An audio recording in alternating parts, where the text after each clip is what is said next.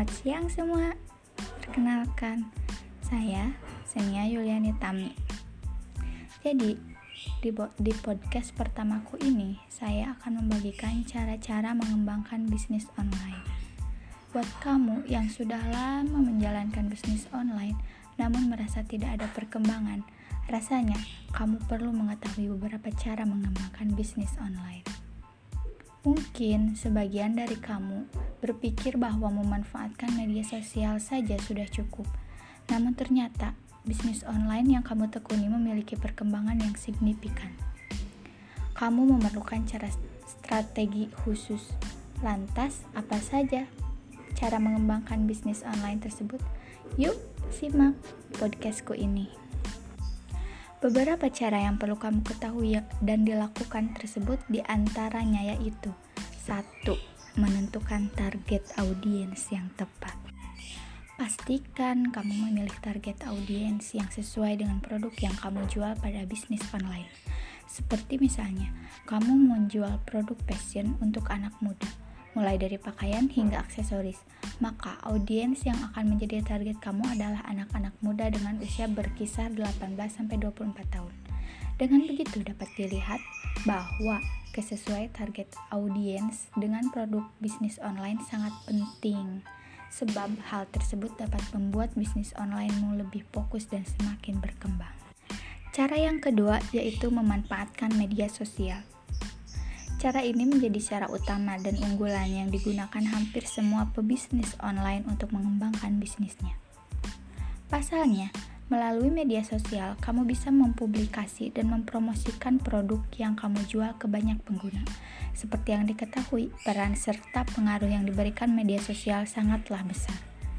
Sehingga, media sosial kini menjadi salah satu wadah yang paling tepat dan optimal untuk melakukan promosi produk dan beriklan. Tak hanya itu, beberapa media sosial juga kini banyak menyediakan fitur-fitur menarik yang bisa kamu manfaatkan untuk meningkatkan daya tarik audiens. Berikutnya adalah memberikan, memberikan pelayanan yang berkualitas. Sebab pelanggan yang diibaratkan sebagai raja sebisa mungkin harus mendapatkan pelayanan terbaik dari semua aspek. Mulai dari respon penjual yang cepat, baik ketika pelanggan bertanya tentang suatu produk yang dijual maupun mengajukan keluhan.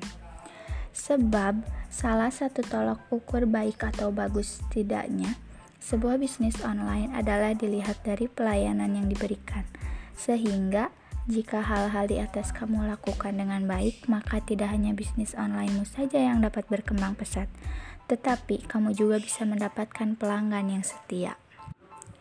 Cara mengembangkan bisnis online yang kelima yang selanjutnya adalah membuat website resmi. Di kondisi tertentu, keberadaan website resmi sangat penting dan dibutuhkan untuk meningkatkan kepercayaan pembeli terhadap bisnis online. Karena calon pelanggan akan menilai bahwa suatu bisnis online yang sudah memiliki website resmi biasanya adalah bisnis online yang sudah terpercaya. Selain itu, dengan adanya website resmi, calon pelanggan juga akan semakin dimudahkan dalam mencari informasi maupun memesan produk.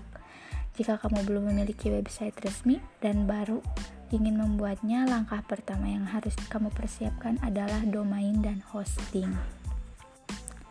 Selain membuat website resmi, kamu juga harus membuat blog sendiri. Cara mengembangkan bisnis online yang satu ini sangat bermanfaat dalam mengoptimalkan target pasarmu.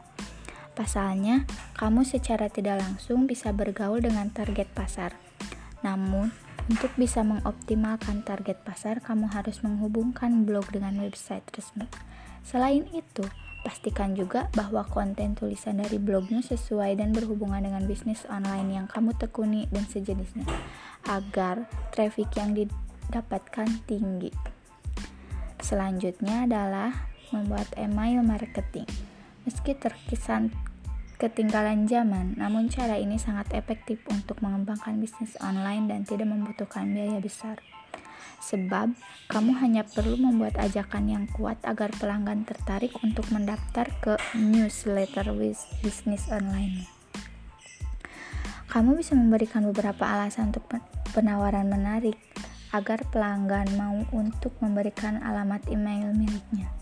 Beberapa contoh penawaran menarik yang bisa kamu tawarkan di antaranya seperti akses untuk mendapatkan konten eksklusif, mendapatkan hadiah berupa produk unggulan, pengujian produk dan penawaran lainnya yang dapat meningkatkan loyalitas pelanggan.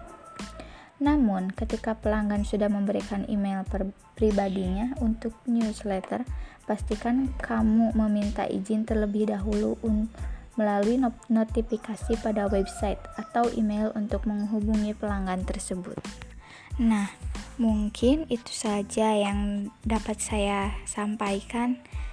Uh, untuk yang sudah mendengarkan, terima kasih. Dan untuk yang akan menjalankan bisnis online-nya, semoga ini bermanfaat dan bisnis onlinemu berjalan dengan lancar. Terima kasih semuanya. Selamat siang.